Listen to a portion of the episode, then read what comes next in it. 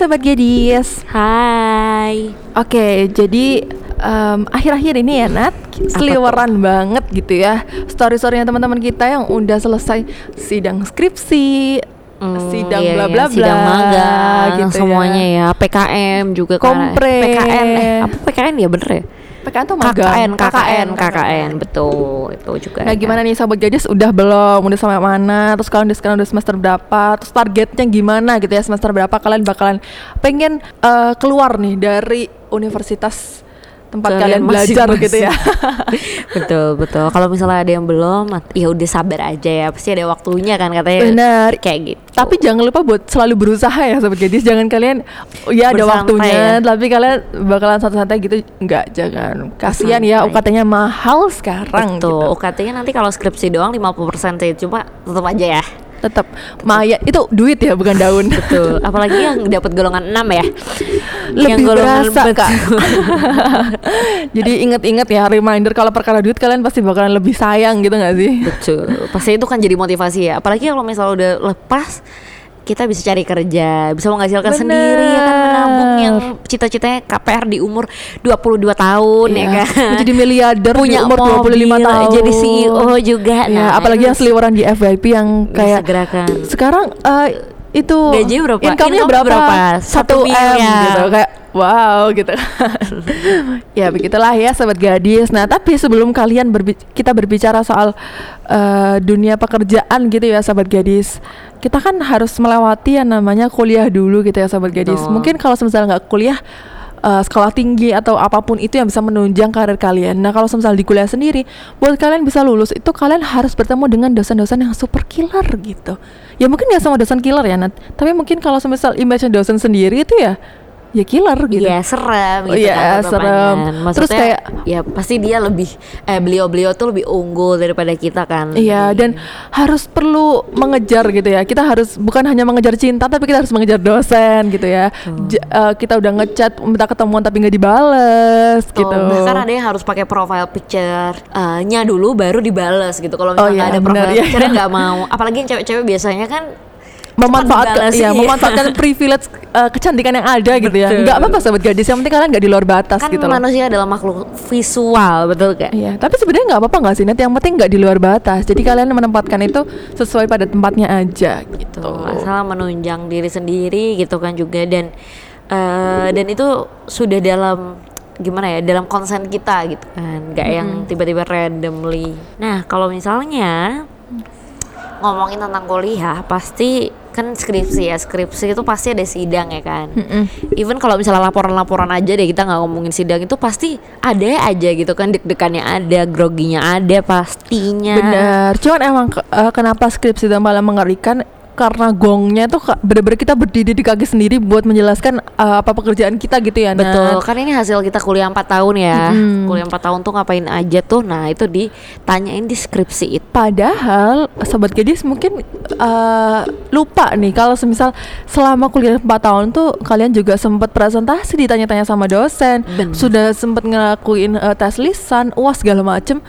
Tapi kalian bener-bener kayak nempatin bebannya tuh di skripsi gitu. Padahal Betul. kalian tuh lupa kalau misalkan kalian tuh udah pernah melewati ini semua, jadi kalian tuh nggak perlu yang berpikir terlalu berat, cukup let it flow aja. Tapi kalau misalnya ada di mungkin matkul-matkul eh, metode penelitian kan, metodologi penelitian tuh biasanya juga ada presentasi atau enggak mempersiapkannya itu kan juga sangat-sangat ribet ya. Maksudnya kita meskipun dalam kelompok ataupun mungkin ada yang univnya individu gitu, itu juga eh juga jadi beban gitu. Padahal baru matkulnya matkul metodologi, belum yang benar-benar skripsinya. Jadi kita dulu kayak eh gimana kalau skripsi ya? Pasti kayak gitu kan. Jadi metodologi itu geladi bersihnya Betul. skripsi gitu ya. Kayak pasti kita mikir gimana ya kalau skripsi ya. Kayaknya nggak mampu deh skripsi kerjain sendiri lagi pusing Bun. gitu ya. Betul. Nah, kalau misalnya dalam eh, sidang-sidang tuh atau laporan, pasti kan biasanya ada pengujinya ya Rim ya. Nah, pengujinya itu eh, kita mau share mungkin kayak pengalaman kita dan juga eh, apa ya tips-tips hasil kita mengalami sidang magang, sidang-sidang apa pun itu Iya. atau presentasi laporan pun itu kan juga harus disiapkan ya. Betul. Ini mungkin pasti bisa jadi referensi gitu untuk sobat gadis sendiri. Eh, yang pertama adalah menguasai materi. Mm-mm. Itu kayaknya udah pasti ya. Itu Kalau adalah hal yang paling basic sebasic Kalau kita tugas gitu. kelompok juga kayaknya jang- menguasai materi itu juga penting. Apalagi kalau misal presentasi biasanya banyak yang nggak suka kalau misalnya apalagi udah mahasiswa ya. Betul. Gak boleh paragraf itu langsung kita copy saja kan dari Benar. Word itu terus kita copy ke PPT. Mungkin dulu SMP SMA masih kayak gitu kan. Kita tinggal baca aja. Apalagi yang belum persiapan jadi kan tinggal baca aja tuh. Tapi kalau misalnya eh, kuliah tuh biasanya cuma kita nyiapin satu kalimat kali, ya, satu kalimat terus kita udah setelahnya itu improv dan hasil dari pemikiran sendiri kan. Iya. Nah, tapi kalau semisal eh, poin yang pertama ini ya sahabat gadis buat eh, paham sama materi, sebenarnya kalau semisal aku sendiri ngerasa kalau kalian ngerjain sendiri tuh kalian sebenarnya nggak nggak perlu yang menghafalin gimana gimana kalian pasti otomatis hafal nggak sih Nat kayak Bener, kecuali joki ya. alurnya gitu hah Kecuali joki ya. Iya benar atau dikerjain siapa gitu Betul, betul, betul. Kan biasanya juga kita ada bagian itu kan kalau di skripsi itu kerangka pemikiran itu loh yang kayak kita cara berpikir mengerjakan itu kayak gimana gitu kan. Biasanya kayak konsep ke sini ke sini ke sini. Nah, itu tuh jadi mungkin bisa jadi guide- guideline kita dalam belajar kan dan juga berarti menjelaskannya juga jauh lebih mudah. Iya, terus juga eh, ini nih yang kalau semisal skripsi adalah mengenali karakter dosen. Nah, kita kalau di sini karena di sini kita juga sharing-sharing ya, Nat. Kamu dulu deh. Kamu gimana eh, testimoni ya? Sudah pernah melakukan sidang PKL gitu ya, Nat dulu. Iya. PKL itu gimana? Kamu menyesuaikan karakter dosen kah atau kayak gimana yang It- part ini? Bener-bener itu sebenarnya nggak harus di sidang nggak sih? Maksudnya kita Oh, nggak usah bener, ngomong di bener. sidang, tapi kayak Mata kuliah mata aja kuliah, gitu. terus kayak tugas atau tugas ya tugas kelompok atau tugas mingguan yang biasa dapat gitu, itu juga harus diterapkan gitu loh. Kayak dosen ini sukanya yang kayak gimana? Kan ada tuh dosen yang emang lebih suka kamu nulisnya panjang banget Iya, ya kan? terus ada yang kayak harus cocokin sama buku banget. Terus ada yang bahasanya harus kita sendiri nggak boleh sama sendiri buku. betul harus ini parafrase gitu. Terus ada juga yang misalnya cara menjawabnya harus bener-bener runtut gitu. Misalnya kita harus jawab dulu pertanyaannya terus harus didukung sama teori-teori habis itu baru eh, setelahnya itu baru penutupannya gimana gitu kan. Ada yang kayak gitu. Nah kalau misalnya sidang tuh kalau misalnya aku ingat-ingat waktu dulu magang itu aku dosen itu kebetulan tahu aku gitu kan tahu Bestie aku dia dah. betul. sebetulnya itu aku rada mm, gitu kan rada deg-degan lah ya, pasti deg-degan kan kalau misal sebelum sidang gitu tapi ternyata untungnya dosen kayaknya aku mendapatkan dosen baik gitu loh Rin. Oh, Dan dosen malaikat. beliau itu gitu. yang jadi pengujinya itu belum pernah ketemu aku. Maksudnya kita belum pernah aku belum pernah diajar dia gitu loh. Jadi kita juga belum ada bersinggungan sama sekali. Jadi dia cuma nanyain emang beberapa hajat dan emang pure pengen tahu pengalamanku gimana. Mungkin ada hambatan-hambatan apa yang aku terima gitu sih kalau misalnya dari aku. Jadi ya alhamdulillah ya. Tinggal foto-foto menggunakan almet aja Iya, waktu itu. betul. meskipun deg-degannya ada pasti kan apalagi posisinya. Kalau sidang PKL di jurusanku itu nggak eh, apa sih nggak nggak bareng-bareng gitu loh. Kan ada ya kalau misalnya sidang KKN atau sidang magang itu ada yang bareng-bareng juga. Oh iya, misalnya kayak aha. punya company yang sama gitu magang di tempat yang sama itu biasanya bisa bareng. Nah waktu itu aku tuh posisinya yang sama-sama aku kita tuh beda hari gitu loh dapatnya jadwalnya jadi ya tetap harus sendirian-sendirian gitu sih kalau kamu gimana Rim? Kalau aku sih, sempro. em, ya alhamdulillahnya aku udah sempro ya sobat gadis. Jadi, tapi aku selalu ngerasa hoki sih Nat. Jadi kayak eh, aku selalu ngerasa di setiap la- kayak aku mau sidang itu aku selalu kayak ngerasa hoki banget gitu loh ya. Terima kasih ya dok. Jarul langit gitu Iya, ya doa dari kedua orang tua aku gitu ya. Terima kasih banyak. Terima kasih banyak loh mama kan sama ayah. ya benar. kepada kedua orang tua penulis gitu ya. betul betul juga nulis gitu. Benar. Jadi kalau semisal yang pertama buat sidang PKN sendiri itu kan dulu aku masih online di Hmm. bulan-bulan Juni gitu ya. Kalau semisal PKN sebenarnya aku nggak seberapa deg-degan gimana-gimana karena menurutku kalau PKN tuh ya udah aja gitu loh kayak nggak sekomprehensif si uh, skripsi gitu jadi kalau semisal PKN tapi hokinya adalah kalau teman-teman aku bakal di- dikasih pertanyaan yang menusuk-menusuk gitu Aha. Aku pertama kali buka PPT nih, dosenku langsung bilang gitu, dosen pengujiku. Fahrima bapak mau pergi jadi kamu presentasi lima menit aja ya gitu.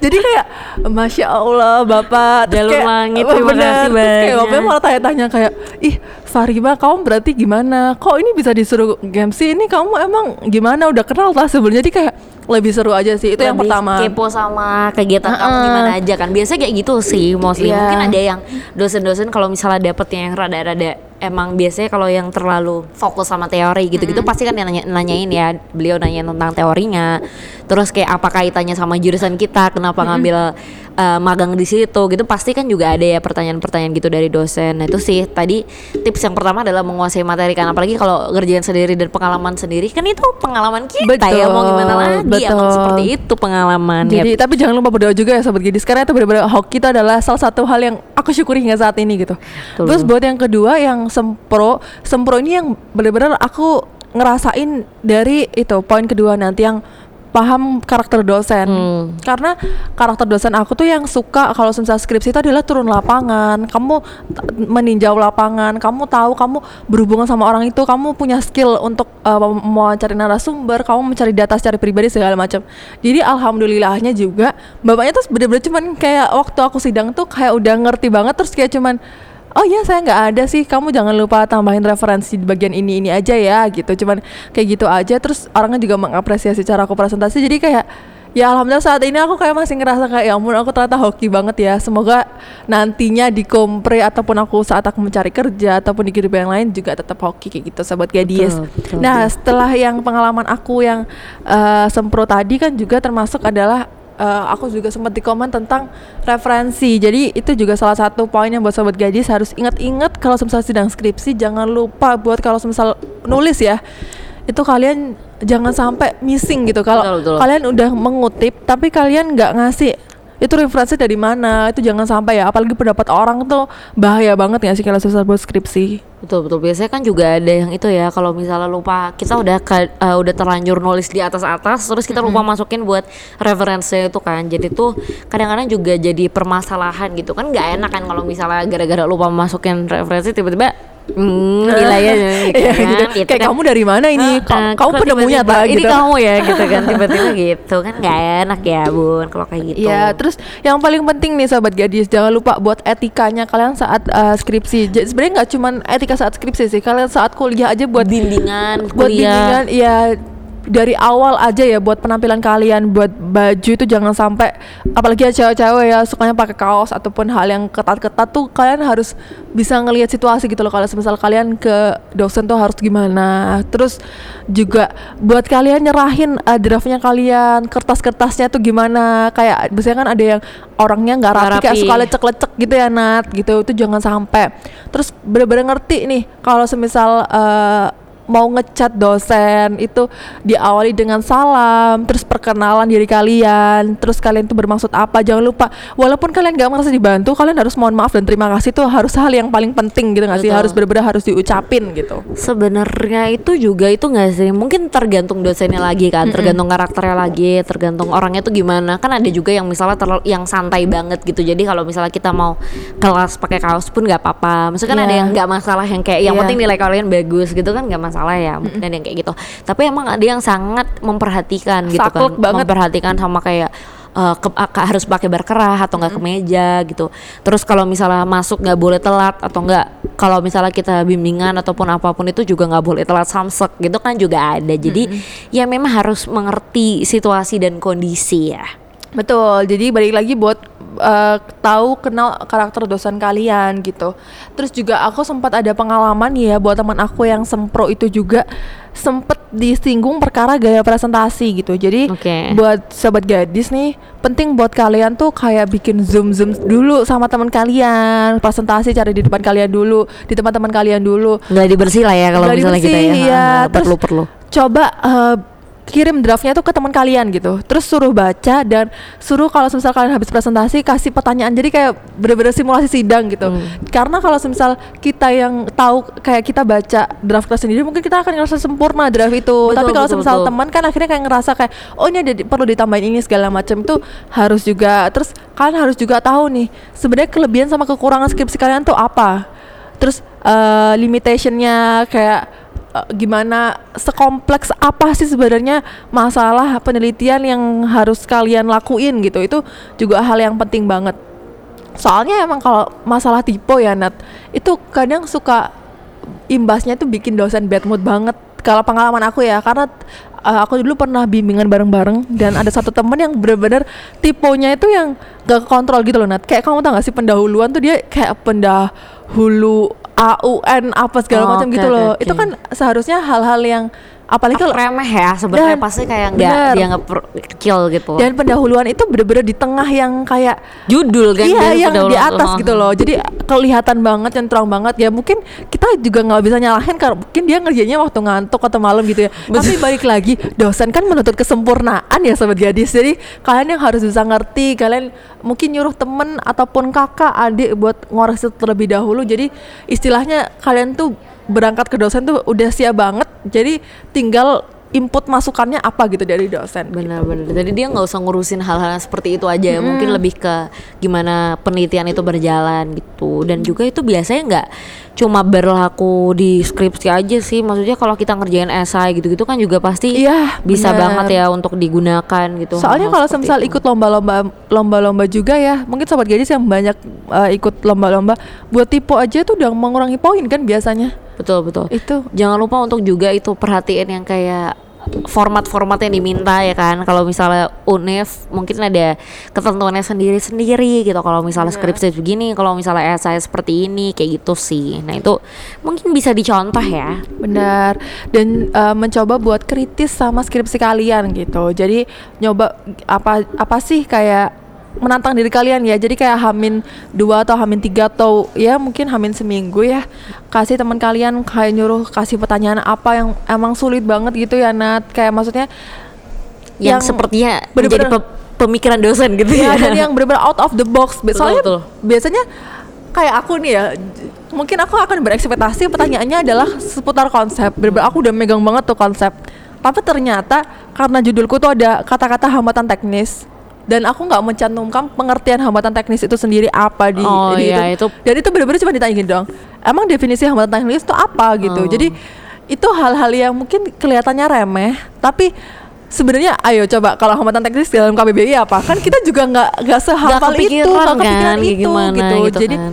itu sebenarnya bisa apa ya mungkin kalau misal kalian nggak kepikiran teman kalian mungkin kepikiran ya gitu Betul betul. Terus habis itu kalau misalnya ini kan cuma tadi kan kita udah bilang ya kalau ini berlaku juga sama esai gitu. Benar. Nah, kalau misalnya esai itu dari pengalamanku sendiri kalau misalnya aku udah habis ngerjain esai dan itu kan rasanya udah kayak exhausted banget kan, udah capek yang aku rasa aku udah menuangkan yang terbaik gitu. Jadi kalau dibaca lagi itu pasti udah oke oke aja gitu kan. Tapi setelah beberapa hari yang kita udah lupa sama esai itu dibaca ternyata hmm ternyata ini seperti hmm iya gitu. Oh iya iya benar kadang tuh jujur sendiri sama tulisan Iya, sendiri gitu kan. sekali gitu kan. Nah jadi itu bisa ditiru lah kalau misalnya mungkin nggak ada temen atau uh, keluarga yang bisa bantuin buat ngecek itu bisa pakai cara itu sih. Mungkin kamu draftnya boleh di kerjaan hari Senin terus hari Kamis kamu baca lagi hmm, bagaimana nih hasil draftmu? Apakah sudah oke? Ternyata kurang. Mungkin kan bisa gitu ya Iya, terus jangan lu- eh, yang paling basic adalah jangan sampai kalian tuh ngekopas penelitian orang lain gitu. Itu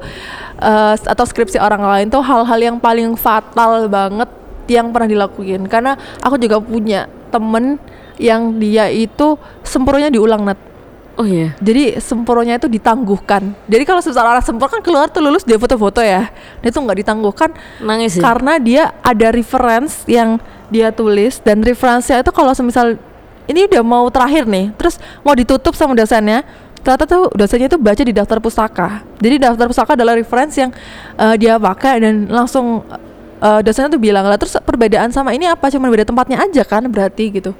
Berarti kamu juga istilahnya juga kamu bisa dibilang menyadur dari eh, skripsi ini gitu jadi Oh. kayak dikasih waktu seminggu buat membuktikan kalau semisal skripsimu itu Baru beda, banget Ha-ha, gitu beda ya. sama itu dan itu something new yang emang benar-benar itu hasil ada pemikiranmu sendiri kan ha-ha, research gapnya gitu. itu kan biasanya dipertanyakan juga kan Jadi- kalau misalnya jadi jangan coba-coba deh pokoknya kalau semisal berurusan sama dosen apalagi dosen yang tua-tua yang emang teliti banget gitu ya Nat. Oh, iya iya Yang- yang biasanya mereka udah akademi akademisi yang udah lama Iya, banget kan. yang- itu pasti lebih fokus sama teori sih karena mereka udah baca ribuan jurnal ribuan skripsi dan dia juga udah sih? menulis Betul, hal-hal yang kayak gitu dan dia udah bener-bener hafal. Mahasiswa ini tipenya gimana berarti gitu. kalau kopes tuh nggak diparafrase ya? Maksudnya nggak yang dibedakan samsek gitu loh dan kelihatannya mungkin kayak kita kelewat aja tapi kita mikirnya itu nggak hal yang bukan primary gitu untuk dipikirkan tapi ternyata satu kalimat gitu bisa kan pasti kepikiran betul, gitu betul. lah. Itu juga hal-hal yang fatal. Terus juga apalagi kalau semisal dosen-dosen yang kayak udah profesor gitu loh Betul, yang biasanya mereka itu cuman cuma nggak baca tapi cuman ngelihat atasnya doang udah kayak pertanyaannya tiba-tiba langsung kayak out of the box banget Hmm. yang yang sulit banget. Nah itu juga perlu diantisipasi jadi sobat gadis